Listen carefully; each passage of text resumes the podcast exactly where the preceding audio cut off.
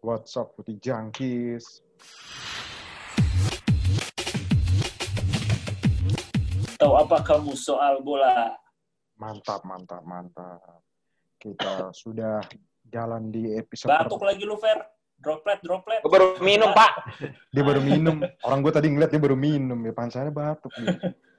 Jadi Ferry mulai dimulai dengan batuk-batuk Ferry ini sudah memasuki weekend lagi. Uh, gimana nih kabar kalian nih? Gimana Hud? Huda gimana Huda? Alhamdulillah baik. Alhamdulillah. Di lu aman di? Aman di? Aman, Pak. Lagi sibuk-sibuk aja biasa. Sibuk biasa. Budak Eh, korporat. Budak korporat. Soalnya gue ngeliat story-nya si apa Farah juga kayak lu sibuk banget kayak ini. Biasa, Pak. Biasa. Fer, lu gimana Fer? Lu gue denger-denger Alhamdulillah. makin lancar ternak cupangnya. Anjir. Wah, gila. Ternak, ternak cupang. Ternak cupang tuh Baik, modalnya baik, baik, kecil. baik, baik. Modalnya kecil sih. Cupang kan sepuluh ribu, cuman gitu doang kan. Kecil. Cuman kalau bagus 250 ribu satu ekor. Iya, ada yang segitu, ada yang segitu. Gue soalnya kemarin sempat beli cupang juga tuh anjir. Ini kenapa jadi ngomongin cupang ya? Ya apa kita perlu kita vlog cupang aja kita biar trending, Lu, biar trending. lu, lu yang, yang ituin, Jack. Ini kalau view-nya lebih banyak minggu depan kita ngomongin cupang lagi Iya, aja. gue ngomongin cupang. Karena oke. cupangnya yang boleh. Loh kan bocah Iya. yang beli cupang aja viewersnya banyak banget tuh yang di Nah, fix ini episode kali ini ngomongin cupang aja kayak kita ya. Kita ngomongin dulu. Enggak lah, kita ngomongin. Abis liga-liga udah pada keluar. Mau ngomongin apa? Ini bro, masih ada Liga Champion bro, sama Europa League, Europa League. Kan tim lu masuk semifinal di Europa League di Iya sih. lawan Shakhtar Ya doang. itu mah udah ah, 80% lah. 80% lah. Nih Ya, kok ya. si Huda nih yang khawatir nih. Lawannya Sevilla tuh. Sevilla, Pak. Lumayan nih Sevilla. Tapi kita kali ini Gimana nggak gimana, mau, Jack? Gimana, Jack? Lanjut ya. kali ini nggak mau membahas ini sih, nggak mau membahas uh, Champions League atau atau apa nama Europa League karena saat episode ini direkam uh, Champions League tuh ntar malam udah mulai main lagi nih Bayern, udah keluar hasilnya kan kemarin Atalanta out, terus si uh, RB Leipzig juga menang, RB Leipzig juga menang dari Atletico Madrid, selamat. Jadi kita tinggal jadi nanti ketika podcast ini naik ya udah itu sudah ketahuan tuh pemenang Barca sama Bayern Munchen gitu. Itu aja sih. Tapi kita kali ini nggak Bahkan udah ketahuan juga yang satu lagi, yang City Lyon juga udah ketahuan. City Lyon tuh malam minggu ya. Oh iya, benar-benar udah ketahuan juga tuh Heeh. City Lyon. Nah, ya itu mah ada pasti City sih kayaknya. Justru big match-nya membayar sama Barca sih. Kita tunggu aja tuh nanti hasilnya seperti apa ya. Udah ketahuan nanti pokoknya. Tapi kita nggak ngomongin tentang ba Bayern atau Barca. Terus kita ada berita terupdate juga nih dari transfer Willian resmi ke Chelsea. Eh ke Chelsea lagi ke Arsenal ya. Dari Chelsea maksudnya. Sorry sorry. Dari Chelsea ke Arsenal. Free transfer. Lagi-lagi pemain Chelsea sering banget ya. Kayaknya nih sering banget gonta-ganti klub nih akhir-akhir akhir ini ya. Pemain-pemain dari Chelsea, Arsenal, Arsenal, Chelsea. Terakhir itu si David Luiz kan musim musim ini ya. Ya, David Luiz. David Luiz. ya. Oliver Giroud. Musim kemarin, musim kemarin. Oh iya, Oliver Giroud ya. Giroud juga Giroud. terakhir. Peter Cech ya, Peter Cech. Malah kalau di kalau di tel, tela apa mundur ke balik belakang lagi udah mulai dari zamannya si siapa tuh namanya? Galas ya. Galas. juga. Galas. Galas, galas. Ashley Cole. Udah nggak aneh lah itu bolak-balik. Anelka Chelsea, juga, Arsenal. Anelka ya, Anelka ya. Anelka tapi jangka waktunya panjang sih. Woi Fabregas ya. Ah, semoga Willian yang pilihan terbaik sih untuk Arsenal gitu. Lumayan, sebenarnya Willian not bad lah. Kalau buat jadi eh, super sub gitu mungkin masih bisa lah di Liga Inggris. Tapi kita sekarang mau ngomongin tentang ini nih. Ini ada berita hot hot juga nih kemarin. Sari itu kan minggu lalu ya. Minggu lalu apa dua minggu lalu ya dipecat ya? Minggu lalu ya dipecat ya. Minggu lalu. pas kalah, pas kalah, pas kalah. Eh, minggu lalu, minggu lalu. Minggu lalu Kalah pas dari kalah ya. Lyon. kalah sama Lyon dipecat tuh Sari itu Nah, diganti oleh Andrea Pirlo yang bahkan beberapa hari sebelum match Lyon versus Juventus dia di di apa di dimasukin ke Juve buat jadi pelatih U23-nya. Eh, pas si siapa namanya si Sari dipecat, nggak taunya malah digantiin sama Pirlo lagi. Padahal di Sassuolo udah mengatakan tuh kayak si Pochettino yang masuk, terus ada yang bilang siapa lagi ya? Allegri.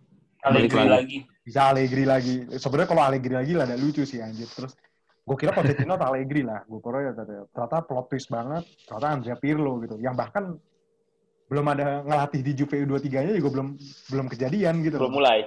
belum mulai gitu loh. Kalian kira-kira ada tanggapan nggak nih tentang Andrea Pirlo? Uh, Sebenarnya kalau diprediksi juga nggak bisa sih, karena terlalu dini gitu loh. Tapi apakah ini sebuah perjudian nggak sih? Gue mulai dari Aldi, ini perjudian Juve nggak sih? Apalagi emang targetnya Juve ini kan sebenarnya udah bukan liga nggak sih? Dia tuh udah UCL gitu loh. Gimana di lu sebagai fans Serie A juga nih, fans Inter gimana di? Gua ngelihatnya eh, jadinya kayak udah apa ya pilihan yang pilihan yang tergesa-gesa banget sih. Kayak mungkin ekspektasinya Pirlo ini bisa kayak uh, pemain mantan pemain yang kemudian berhasil gitu model-model Zidane. Tapi kalau ngelihat track record sih maksud gue belum ada track record yang bisa dibuktikan gitu. Jadi gue sebenarnya masih nunggu juga. Sebenarnya kalau lo bilang perjudian perjudian banget sih. Bahkan apa ya kayak termasuk aneh nyeleneh sih menurut gue. Penunjukan Pirlo tuh aneh banget. Hmm. Dan gue jadi jadi jadi optimis musim depan gitu kayak, waduh Juve dilatih Pirlo nih, ini kesempatan banget sih buat klub-klub lain nih.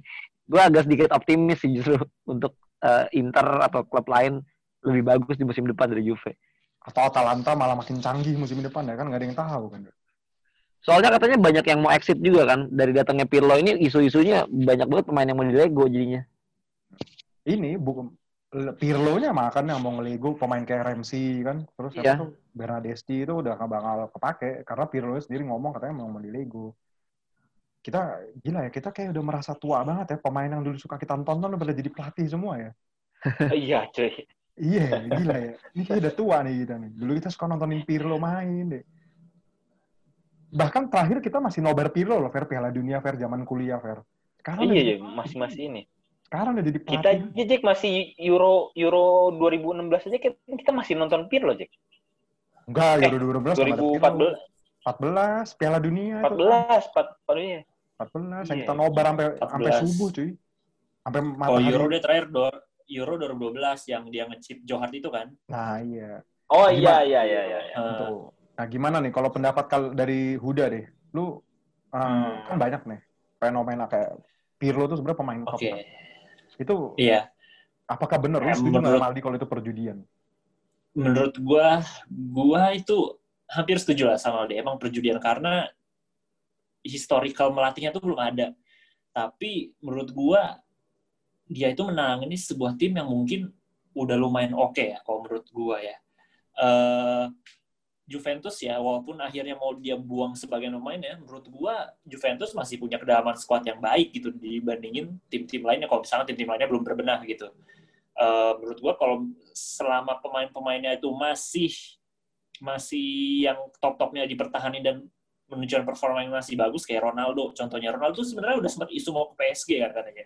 Iya, Cuman iya. gara-gara gara-gara Pirlo ngelatih katanya dia penasaran ya sama Pirlo katanya kan kayak gitu terus ya kan desas-desasnya mungkin mau beli lagi Pogba si Pirlo jadi menurut gua apa ya eh ya perjudian juga sih tapi menurut gua kalau skuadnya Juventus masih masih masih berarti masih setara dengan yang musim-musim sebelumnya sih masih bisa ya target di Serie A masih oke okay lah. Tapi bener sih di UCL itu kan mungkin ujiannya.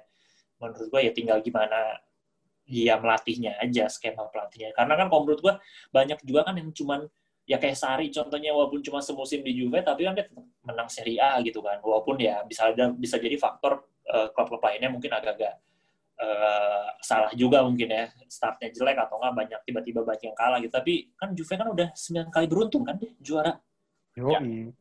Iya kan, jadi menurut dengan dengan pelatih yang berbeda-beda juga kan di situ. Jadi menurut gua ya selama squadnya masih oke mungkin masih bisa lah buat di Serie A buat di Serie A ya tapi hmm. gitu. Nah, lu kira lu ada tambahan nggak Fer tentang Pirlo nih di Juventus seperti apa kira-kira Fer? Ya, ya kurang lebih sama aja sih Jack At aturannya. Lu eh Juve me, bisa bilang mengambil keputusan yang agak gamble dan riskan banget.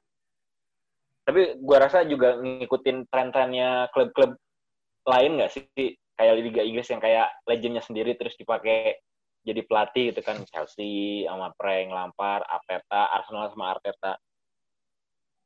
Tapi ya, apa kalau misalkan kayak Arteta terus Lampard mungkin uh, mereka mungkin masih ada track recordnya ya karena Lampard kan sempat Derby Hmm. County itu kan, Derby County. Derby County. Derby County terus si uh, Arteta tuh asistennya Pep kan selama dari pertama Pep masuk bahkan kan kalau nggak salah ya. Hmm.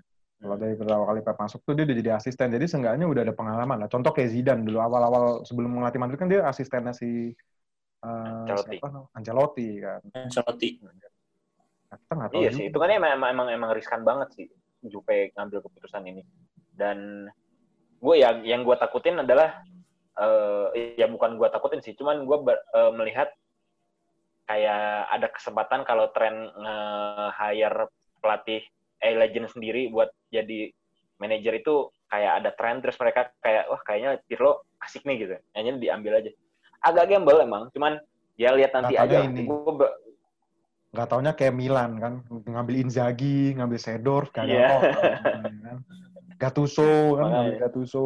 Atau bi- bisa kayak gitu juga. Karena kan waktu itu bahkan kalau yang pas Inzaghi di Milan aja tuh dia ngelatih Primavera kan? Primaveranya Hmm. bagus banget itu waktu itu. Cuman ya pas naikin ke Milan ya udah aslinya kelihatan gitu loh. Aslinya tuh kayak kelihatan gitu loh kayak Iya.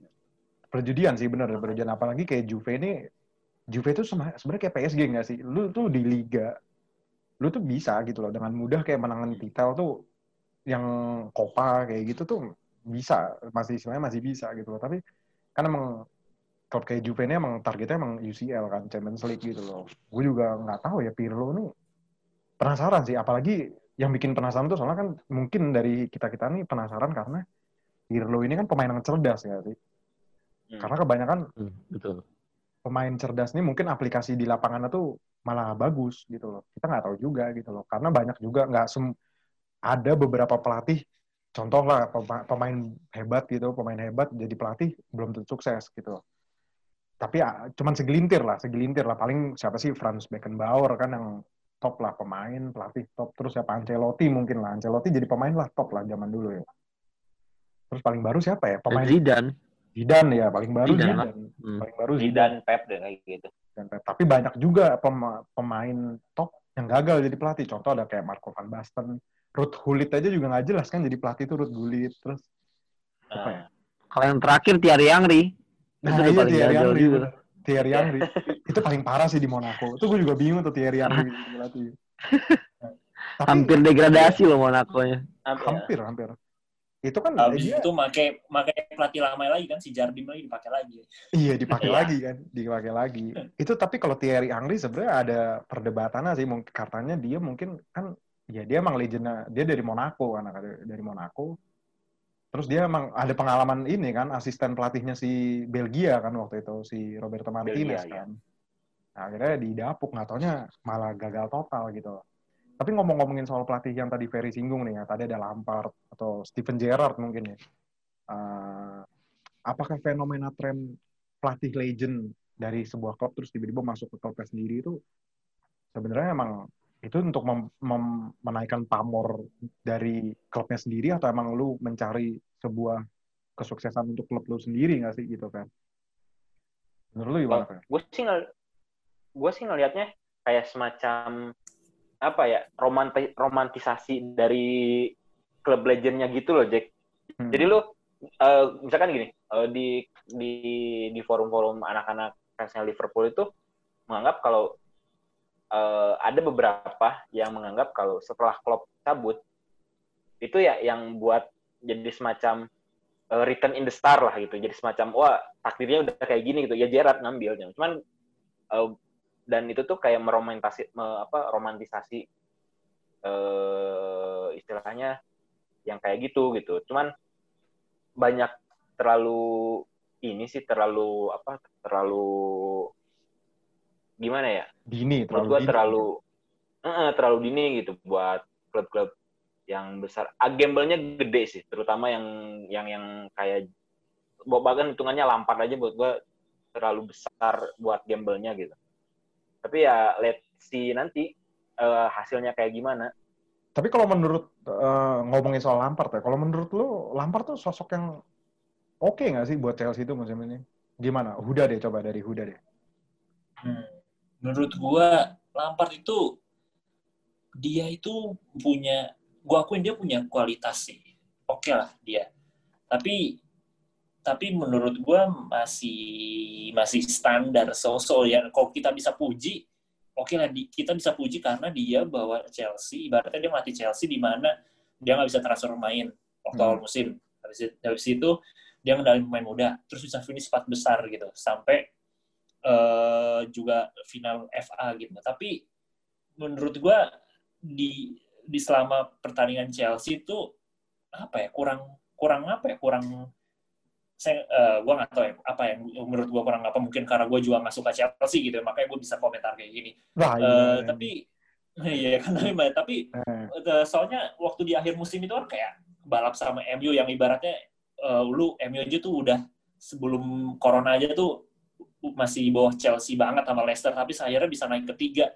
Dan kan jadi perdebatan juga tuh bursa pemenang calon-calon pemenang pelatih Liga Inggris terbaik itu kan nggak ada Ole tapi Lampard masuk sama si Brendan Rodgers gitu kan sedangkan di akhirnya kan mereka semua kesalip sama Ole gitu kan ada perdebatan sih tapi tapi ya nggak bisa diukur juga sih karena kadang ya ketika lu jadi legend di klub itu lu pasti akan dihormatin lah gitu kan Alan Shearer kan juga gitu kan Jack pernah ngelatih Newcastle tapi bapuk kan Alan Shearer Iya, malah degradasi cuy. malah degradasi kan Malah degradasi. Enggak sih, Iya. kalau itu beda lagi itu. Tapi gue tetap aja kayak kalau yang latih Alan Shearer juga pasti degradasi gitu loh. Ya, ya menurut gue ya bener kata si Ferry tadi si romantisasi antara si legend dan klub itu mungkin ya itu yang dibutuhin gitu tapi balik lagi eh, kalau Lampard tadi ngomongin Lampard ya ya gue masih belum belum tahu sih ke depannya gimana musim depan mungkin ajang pembuktian ya karena dia udah dapat Ziyech sama Werner nih Gitu. Dan masih bakal berlanjut transfernya juga. Tapi kalau menurut gue Lampard oke sih. Maksudnya dia tuh bisa uh, walaupun terkadang textbook lah, di- bisa dikatakan tuh kayak terlalu textbook. Jadi istilahnya kayak nggak terlalu lu kekeh sama taktik itu lo gitu loh. Tapi kan emang nggak ada pilihan juga karena dia pemainnya juga nggak ada yang bisa dibeli kan musim kemarin. Musim ini ya. Gue bingung nih ngomongnya musim kemarin musim musim ini sih. Musim kemarin berarti kan ya?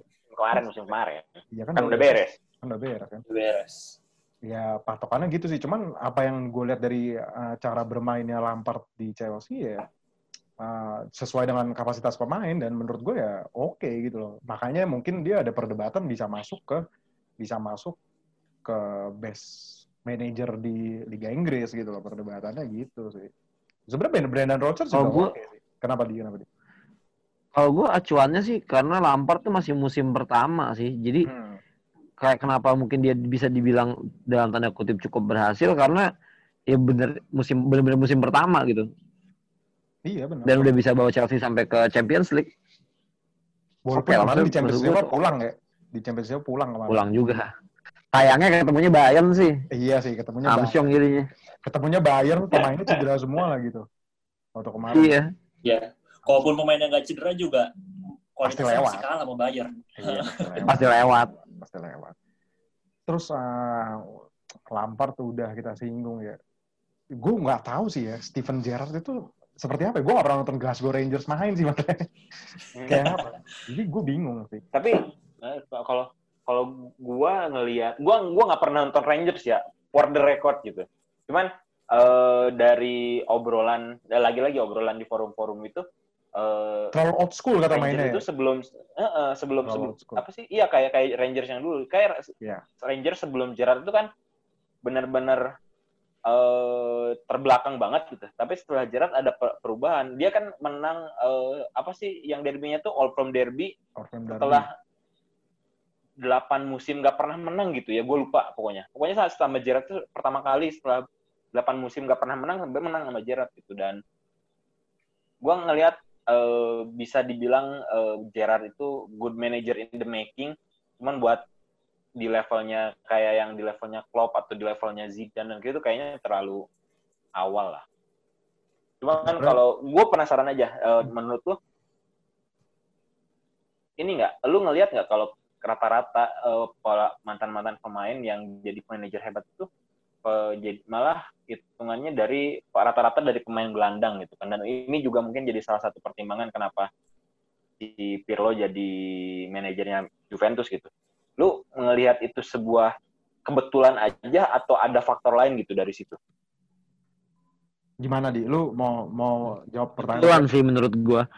Terutama Serie A ya. Gue ngeliatnya aduh, dia tuh kayak jadi Juve eh, sedikit nggak belajar juga sih dari penunjukan Sidorf, Gattuso, terus siapa lagi legend-legend Milan lah ya. Pokoknya yang udah tinggal nomor 7 kan ya waktu itu ya. 8 Iya, tinggal, 9 eh belum tinggal Shevchenko berapa? aslinya belum. Tinggal Shevchenko.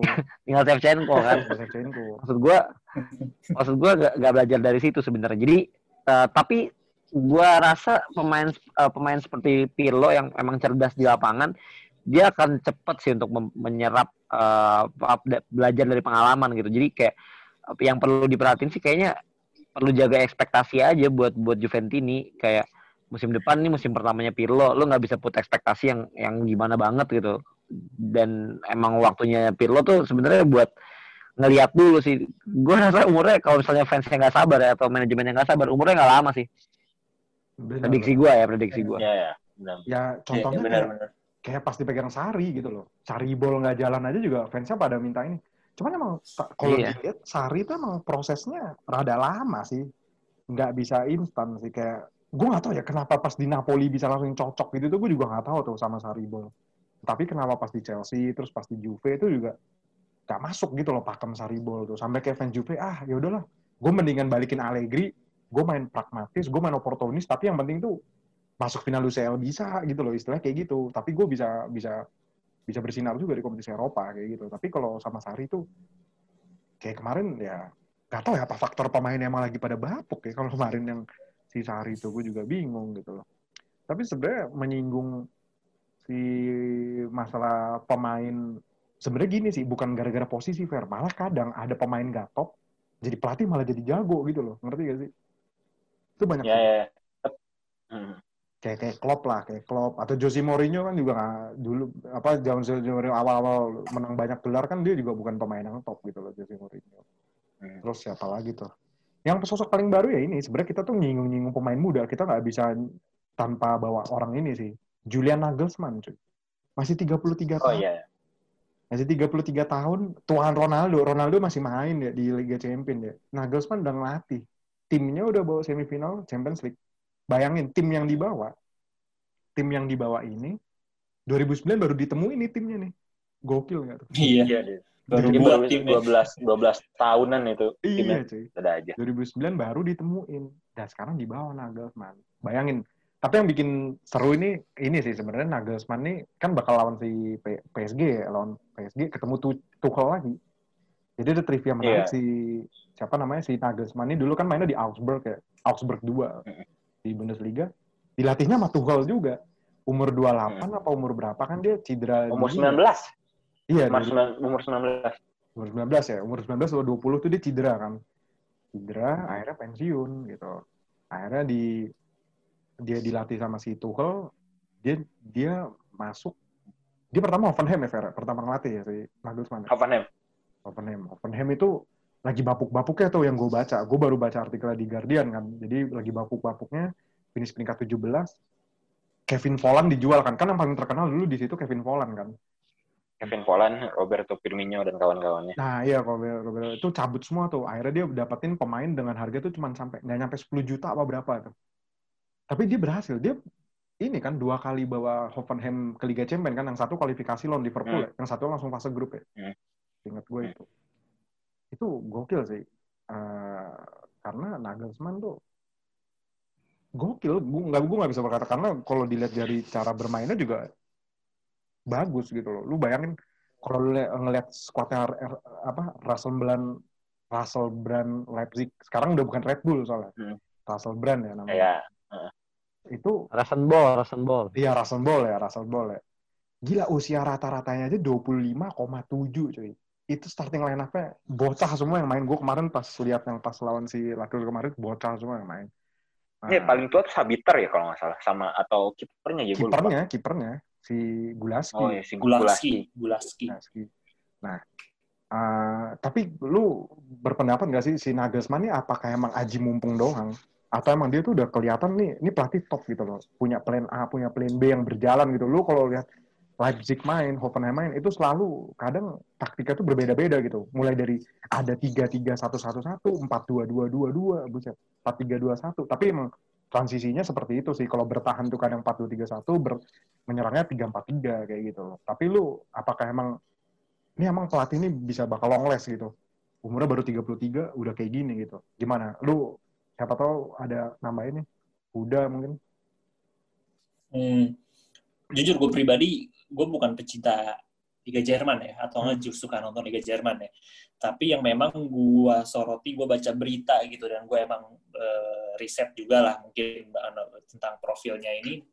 Ini pelatih memang, uh, ya tadi lu bilang, mm, luar biasa lah, untuk umur segitu tuh luar biasa banget gitu, dengan ya 33 tahun, lu mungkin juga hampir nggak pernah main di Liga Champion juga waktu jadi pemain gitu kan. Lu bisa ngebawa lu malah bisa ngebawa satu klub baru bisa bersaing sampai semifinal Liga Champion gitu. Ya mau nggak mau kita harus angkat topi gitu kan untuk untuk dia gitu. Uh, terlepas nanti lawannya PSG entah itu kalah ataupun akhirnya bisa dibantai misalkan anggaplah gitu ya. Tetap kok long last menurut gua masih banyak waktu untuk belajar sih. Jadi menurut gua sih masih masih bisa sih gitu. Jadi walaupun menyangkut uh, obrolan tadi juga tentang Pirlo gitu kan. Pirlo juga kan bisa dibilang usianya kan 38, 39, 40. Dia 40, 40. masih di bawah Buffon, Buff, masih di bawah Buffon kan umurnya hmm. juga kan. Buffon masih 42 pelatih, Iya, masih pelatih yang mungkin kalau mau merangkak ini masih masih banyak bisa belajar gitu kan. Menurut gua ya lu belajar belajar jadi melatih itu butuh waktu dan menurut gua bisa bertahan lama sih. Hmm. Gimana Fer? Lu ada tanggapan mengenai sosok Julian Nagelsmann ini Fer? Hmm. Tapi gue uh, gue apa ya? Uh, gue dalam artian nggak kaget uh, ngelihat uh, ada pelatih muda uh, semuda ya 33 tahun gitu di di di mana di di di Jerman. Soalnya Jack lu tahu nggak kan ada uh, di Jerman itu ada sekolah kepelatihan hmm. yang hampir kayak kuliah yang hmm. dia dua tahun apa tiga tahun gitu uh, baru dia bisa lolos sertifikasi apa sih kalau itu tuh kalau pernah, gue pernah dengar deh itu Fer. Kalau nggak gue pernah dengar hmm. di Jerman ya. Dia dia di Itali dia juga di Jerman. Ada, Enggak, bikin tapi tesis nggak sih? Kayak bikin tesis gitu nggak sih? Uh, jadi pokoknya ya, ya, ya. tapi pelatihannya itu cuma dua apa tiga ta tiga tahun gitu sampai udah udah kayak kuliah lah itu tuh Hmm. yang kayak model si Jurgen Klopp si Thomas Tuchel Juan Nagelsmann gue lupa nama sekolahnya Hmm. Eh, pelatihnya Salke ada beberapa pokoknya pelatih pelatih Jerman rata-rata jebolan dari situ. Dan gue ngelihat eh, lu jangan kaget dalam beberapa tahun ke depan makin banyak pelatih pelatih Jerman yang eh, muda-muda nongol dari situ gitu. Soalnya lagi-lagi eh, di Jerman itu ya sepak bola udah jadi industri coy. Lu udah apa eh, semua dipersiapkan dengan baik. Yang itu ya menangnya sistem aja. Dan itu sih kan juga- melihat kayak gitu Dulu juga ada sempat ini nggak sih? Ada dulu pelatihnya Bayer Leverkusen juga masih muda tuh siapa Roger Smith ya? Itu juga bagus. ah ya? Roger Smith Iya, Roger Nah, Smith ya. dia juga Eh, hmm, dia, dia juga lulusan dari situ Jack soalnya Roger Smith. Itu ke mana tuh orangnya Roger Smith? Itu bagus tuh aslinya Roger Smith itu. Gue terakhir Bayer Leverkusen terus ngilang gitu. Nggak tahu ke mana sekarang. Gue nggak pernah tahu beritanya lagi tuh. Tapi sebenarnya kalau ngomongin yang kayak tesis-tesis gitu, di Italia itu juga ada. Di Italia itu eh, ada yang kayak gitu. Gue kemarin tuh ada tesisnya tentang Gattuso itu ada webnya. Itu bisa lu cari judulnya tuh. Ada tesisnya si Nesta, ada tesisnya Gattuso. Itu kayak bertolak belakang gitu. Gattuso tuh malah kayak tentang pemain apa gitu. Gue pernah baca kayak bukan filosofinya dia banget tentang cara bermainnya gitu. Di Italia itu juga ada sebenarnya kayak gitu. Tapi lu setuju nggak sih kalau misalkan, nih gue mau nanya ke kalian sih, tapi gue mau denger jawaban dari Aldi. Setuju nggak sih kan kalau di era sepak bola sekarang justru yang kayak pelatih-pelatih top itu banyak datangnya itu malah dari Jerman sama Spanyol gitu loh. Lo ada tanggapan nggak di kira-kira di? Jerman di era sepak bola modern ya, iya bisa dibilang iya sih. Kalau lu ngeliat uh, prestasi pelatih Jerman sama pelatih Spanyol uh, lately kayak Pep sama Klopp gitu kan.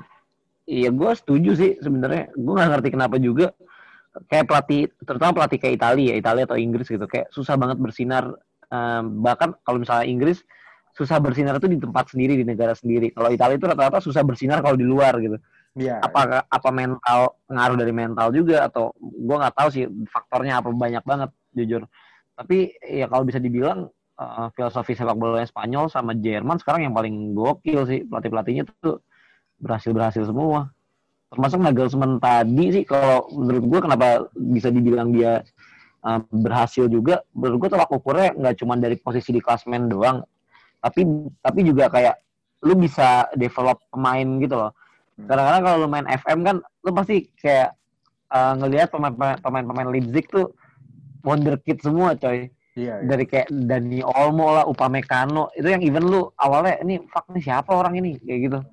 Tiba-tiba sekarang jadi jadi bersinar gitu. Menurut gue itu salah satu faktor keberhasilan sih bisa develop pemain. Karena setuju nggak sih kayak uh, sebenarnya pelatih bagus? Eh, enggak deh, kalian jawab jawab dulu aja deh, baru gue kasih pertanyaan lagi deh. Lo ada tambahan nggak Hud? Kira-kira Hud? Mengenai pertanyaan tadi Hud? Ya, gue ya setuju sih. Gue gue pribadi setuju sih. Kan kayak pelatih eh macam yang di Liga Inggris saya kan kok kita oke lah kita ngomongin Jerman itu Gak ada yang asli Inggris sih. Yang asli Inggris siapa? Iya, asli? Inggrisnya. Nah, bener. Asli Inggrisnya tuh ya paling Eddie Howe. si Eddie Howe. Eddie Howe. Eddie Howe juga udah cabut gitu kan. Si Sam. Allardyce. Sam Wilder. Nah, Iya, kayak eh, sama itu si Steve itu Bruce, paling siapa? Steve Bruce. Steve Bruce sama ini pelatihnya Steve Crystal Palace kan? Hawkson. Bruce. Oh iya, Hobson. Hobson. Iya kayak gitu-gitu. Eh. yang katro-katro, yang Nah, katro-katro. sedangkan sedangkan si Southampton kan pelatihnya Jerman kan? Jerman, Jerman. Austria. Itu bekasnya Iya. Leipzig juga. Eh, bekas Aus- Leipzig. Austria ya. Tapi Ya, kan dulu bekasnya dari Austria. dia dari Jerman juga gitu kan. Dia, Iya. dia nge- nge- Nah, apa, menuntut ilmu di Jerman lah ibaratnya gitu. Menurut gua ya dia lulusan juga Pelatih. kayak gitu. Hmm. nah tuh Sekolah itu juga. di mention of Harry juga. Jadi bahaya sih kalau eh, lu pengen punya belajar banyak sih mungkin harus ke Jerman Spanyol kalau mau jadi pelatih ya. Dan, dan gue setuju kata Aldi tadi juga kayak Italia mas Italia sama Inggris gue pribadi ya kita ngomongin top top inilah top Top 4 lah. top liga lah top liga top 4 liga gitu ya. Menurut gua siap-siap aja sih eh bak, apa Jerman sama Spanyol pelatih bakal banyak sih. Mungkin Jerman yang gua gua perhatiin ya kalau gua lihat ya. Soalnya di Liga Inggris itu ada kemungkinan nanti kayak macam eh, sekelas kayak siapa?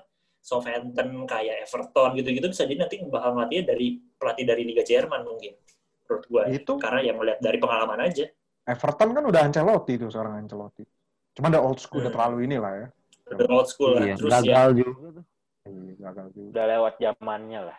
Nah, lu mau nambahin nggak, Fer, mengenai fenomena pelatih Jerman sama Spanyol di era modern football kayak gini? ya gua nggak kaget ya karena yang kayak gue bilang tadi terutama Jerman ya ya emang Jerman tuh ada sekolahnya buat nge apa ya nge, nge- ngehasilin yang pelatih pelatih hebat gitu yang lu di emang di pendidikannya tuh bener gitu dan lagi-lagi apa gue ngelihat gue ngelihat eh, seenggaknya di pelatih pelatih Inggris mulai ada perubahan lah eh Eddie Howe Southgate menurut tuh gua- sebenarnya ada perubahan loh, Southgate, ya nggak sih? Ya, Southgate. South- Southgate termasuk Iya. termasuk yang menurut gua salah satu pelatih Inggris yang not bad. Yang eh, nggak bermain dengan hal 4-4-2, cuy. Nah, itu gitu yang yang dia juga mau merubah pakemnya Iya. gitu kan. Karena- dengan 4-4-2. Eh terus juga eh, Chris Wilder juga sama si Eddie Howe. Gua sangat menyayangkan Eddie Howe itu dia terlalu lama di Bournemouth. Gua sebenarnya ber- sempat berharap dia cabut ke Arsenal waktu Arsenal Wenger cabut. Cuman sekarang Hmm. udah malah jadi reputasinya malah jadi jelek gitu kan. Eh, Sama gue, kalau gue nyorot, sorry ya, kalau gue nyorot justru di Liga Inggris tuh selain orang Inggris yang ini palingan paling lebih Britania kan jatuhnya kan kayak Iya. Nah, eh, ya kan Irlandia Utara Ireland. gitu-gitu pelatih-pelatih yang kayak gitu juga kan justru yang lebih nongolnya kan ketimbang Inggrisnya kayak gitu. ya ya ya. Ya, Brendan Rodgers kan eh, Irlandia Utara kan. Ya, eh. Iya, I- tapi paling Iya, mending iya. Britania ya Brendan Rodgers sih. Brendan Rodgers se- sebenarnya ya lumayan lah, nggak jelek lah. Tapi sebenarnya gini nih, ini ada pertanyaan uh, rada debatable sih sebenarnya. Sebenarnya tolak ukur pelatih sukses tuh sebenarnya lu ngelihatnya dari kalian nih, dari kalian deh. Ngelihatnya tuh emang tolak ukurnya bisa atau sekedar membawa pelatih ini membawa eh, apa ya istilahnya aura positif bukan aura positif ya. lu bisa menjalankan filosofi di permainan tim lu ini atau cuman lu sebatas gelar doang contoh nih contoh kayak Jurgen Klopp kan. Jurgen Klopp itu di Dortmund tuh cuman berapa sih? Dua kali juara kan? Dua kali juara sih ingat gue dua kali apa tiga kali lah. Dua kali apa tiga kali? Dua dua. dua ya.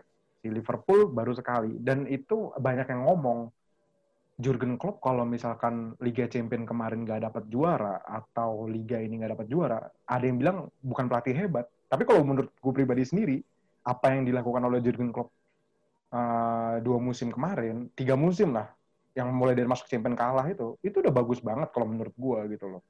Gimana kalau tolak ukur kalian? Apakah emang karena gue tipikal yang kayak orang yang kayak Uh, karena sebuah gelar juara tuh kalau menurut gue tuh kayak sebuah produk sih. Kalau di dalamnya lu jalan, istilahnya lu blueprintnya jalan istilahnya, nanti yang namanya produk itu pasti bakal datang sendiri kan. Maksudnya trofi itu bakal dapat datang sendiri gitu loh. Nanti pasti datang sendiri. Contohnya kayak Jurgen Klopp lah. Nah, nah kalau kalian tuh menganggapnya kayak gitu atau emang contoh kayak pelatih kayak Jose Mourinho, kayak Ancelotti itu kan bener-bener kayak gelarnya banyak banget kan. Ya lu nggak usah nyebutin lah Champions League ada, Liga banyak juga kayak gitu loh. Menurut menurut menurut Aldi dulu deh, menurut lu gimana di? Kalau gua yang paling utama pasti pelatih itu akan dilihat orientasinya hasil sih. Tergantung satu tergantung target dari klub itu sendiri hmm. gitu. Gua hidup kan gue hidup di uh, sebagai fans yang eh, sebagai fans klub klub yang orientasinya hasil sebenarnya.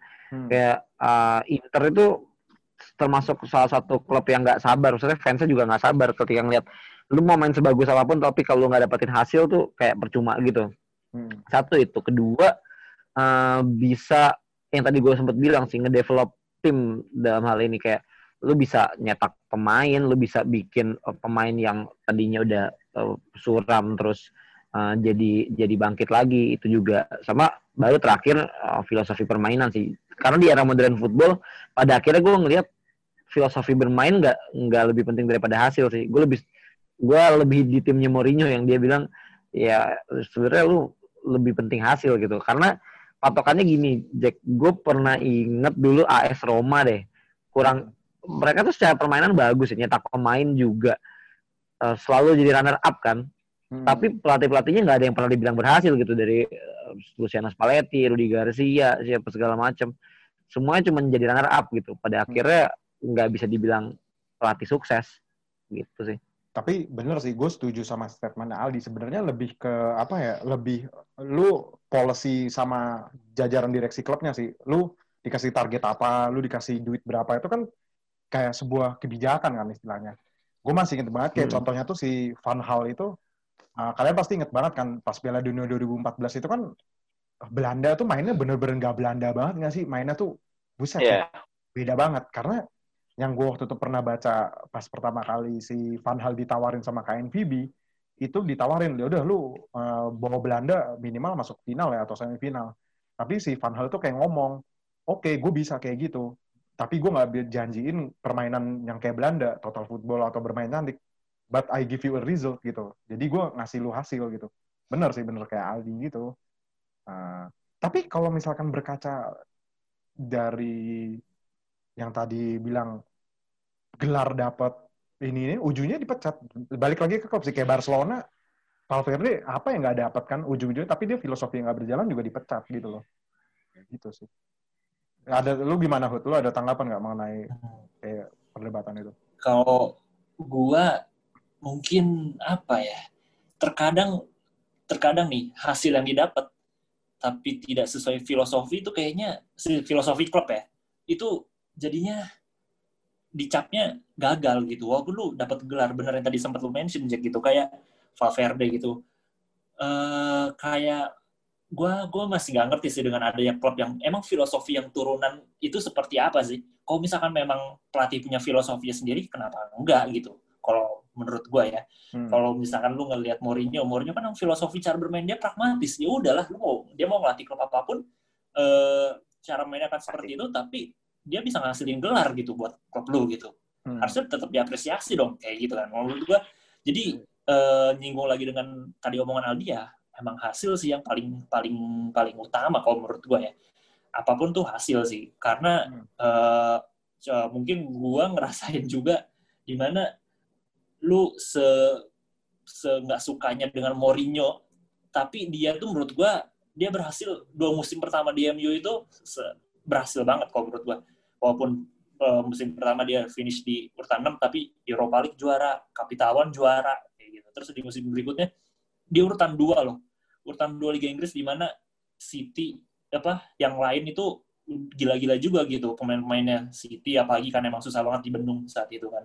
Jadi menurut gua apalagi MU kan se- se- semenjak si siapa eh, Sir Alex cabut kan nggak ada yang bisa finish kedua. Menurut gua itu kan udah cukup baik lah dari situ. Hmm. Dan apalagi ya paling balik lagi kadang setelah lu ngasilin sesuatu buat klub kadang ada aja kan perpecahan lah entah itu dari pemainnya entah itu apa yang akhirnya ya ngerusak ngerusak lu juga tapi kalau lu mau jaminannya gelar ya suka-suka pelatih sih menurut gua pelatih mau mainnya cara apa kalau emang bisa ngasihin gelar ya udah why not kalau gua sih Sebenarnya- gitu sebenarnya kalau menjawab Mourinho gitu sih sebenarnya simpel. Kadang tuh orang kayak benci sama Mourinho tuh kayak anjing lu pemain lu bintang semua kayak di Madrid kan contohnya kan kayak di Madrid, Hmm. kayak di Manchester United, one of the biggest club in the world gitu kan. Lu disuguhin dengan cara main seperti itu kayak anjing lah. Sebenarnya sebenarnya kayak gini kayak Hmm. Ronaldo, kayak Ronaldo kan dulu pernah berantem kan sama Mourinho gara-gara yaudah lu main pragmatisnya, lu main oportunisnya. Ronaldo marah kan. Lu buat apa punya pemain kayak Ozil, punya Kakak, Sabi Alonso, tapi lu mainnya disuruh bertahan. Kan itu kayak itu yang membuat orang kayak kesal sama Mourinho sih mungkin. Tapi ya benar kalau di era industri lu untuk memasangkan lu butuh hasil sih jatuhnya. Gitu. Beda lagi kalau lu klub klub kecil lah katakanlah kata kecil dengan contoh kayak Atalanta ada Atalanta masuk perempat final Liga Champions tuh udah sebenarnya bukan perempat final sih lolos champion aja tuh udah achievement banget kan. Udah bener-bener Hmm. udah kayak juara gitu istilahnya. Sebenarnya beda beda beda klub beda filosofi cuman kalau misalkan ngomongin yang tadi lu bilang Hud, yang kayak filosofi kadang tuh emang ada beberapa klub yang punya filosofi sendiri sih. Contoh kayak Barcelona tuh lu kayaknya emang susah sih. Dulu Van Hal juga gagal di situ kan di Barcelona karena iya. bertolak belakang sama filosofi. Ya kalau ngomongin soal Barcelona emang beda sih gitu. Kayak kayak Bayern Munchen gitu kan Bayern punya filosofi sendiri gitu loh. Terus beda sih gitu. Lu ada tanggapan lagi nggak Fer tentang lah perdebatan seperti ini Fer?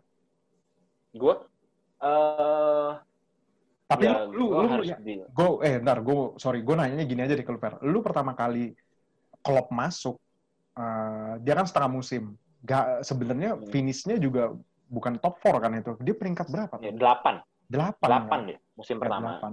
Lu sempat mikir nggak sih, anjir sih, klub ternyata kayak gini nih. Lu sempat mikir kayak, ya peringkat 8, nggak masuk Eropa. Europa League aja nggak. Lu sempat mikir kayak, oh mungkin ini ada saatnya, sabar, kayak gitu dulu. Atau emang lu, ya gimana coba?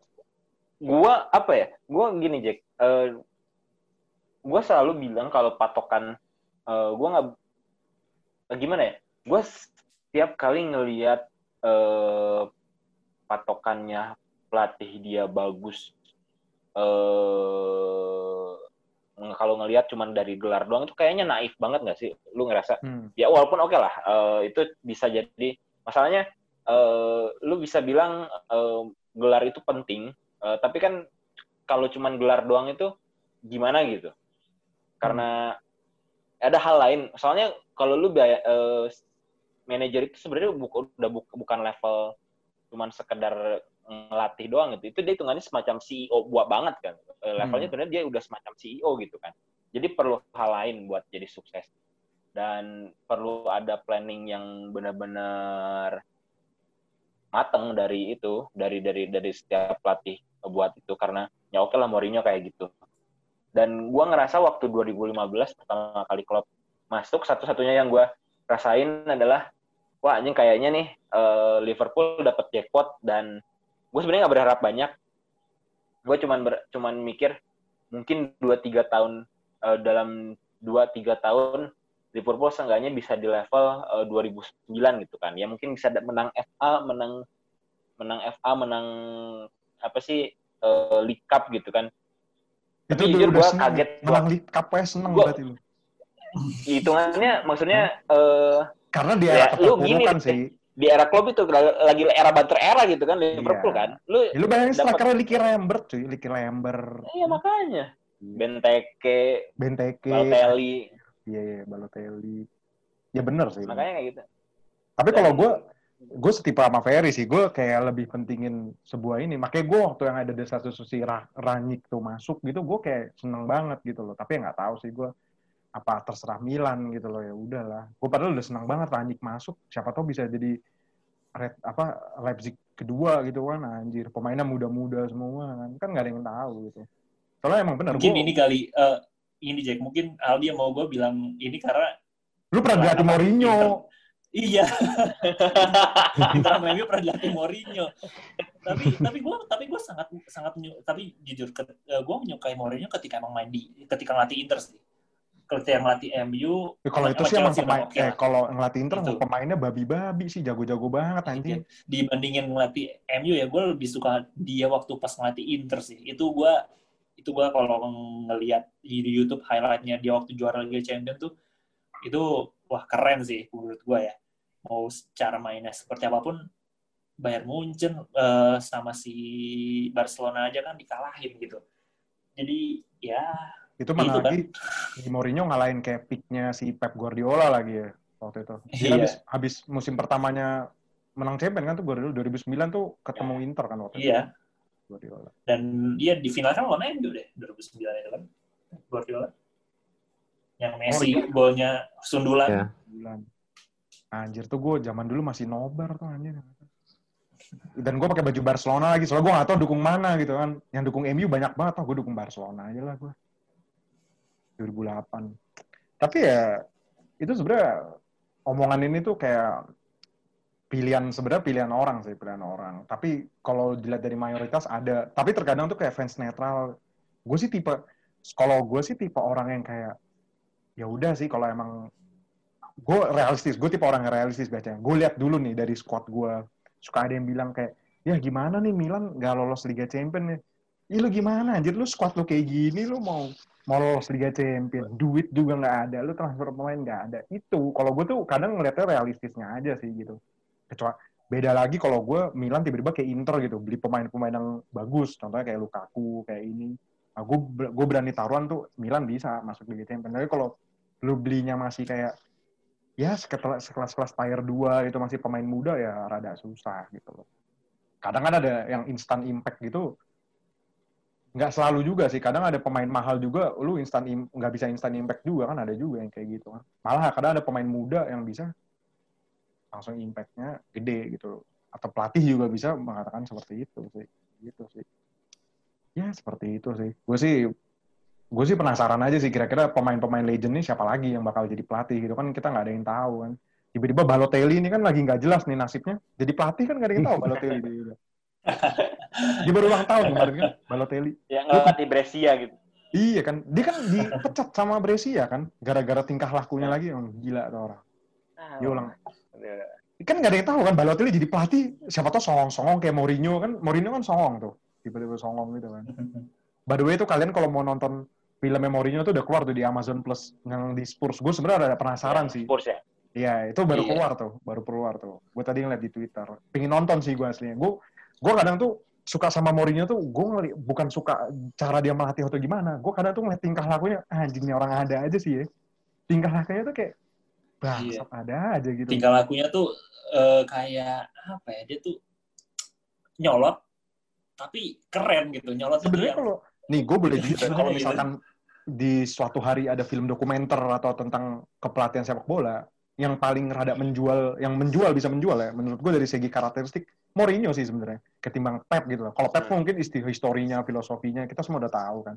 Cuman kalau dilihat cara kayak penyampaiannya gitu kayak kayak Mourinho lucu sih kalau dibikin dokumenternya gitu pasti ngejual gitu loh. Nah, tingkah lakunya emang rada sarap tuh pelatihnya rada gila emang. Ya gitu sih. Tadi kita juga udah ngomongin Pirlo, ngomongin Lampard, ngomongin Nagelsmann juga. Kita lihat aja nih, kita lihat kira-kira siapa sih pelatih-pelatih yang bakal bersinar di musim depan, apalagi pelatih-pelatih muda.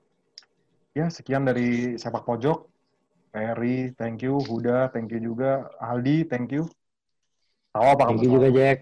Yoi, tahu apa kamu soal? siapa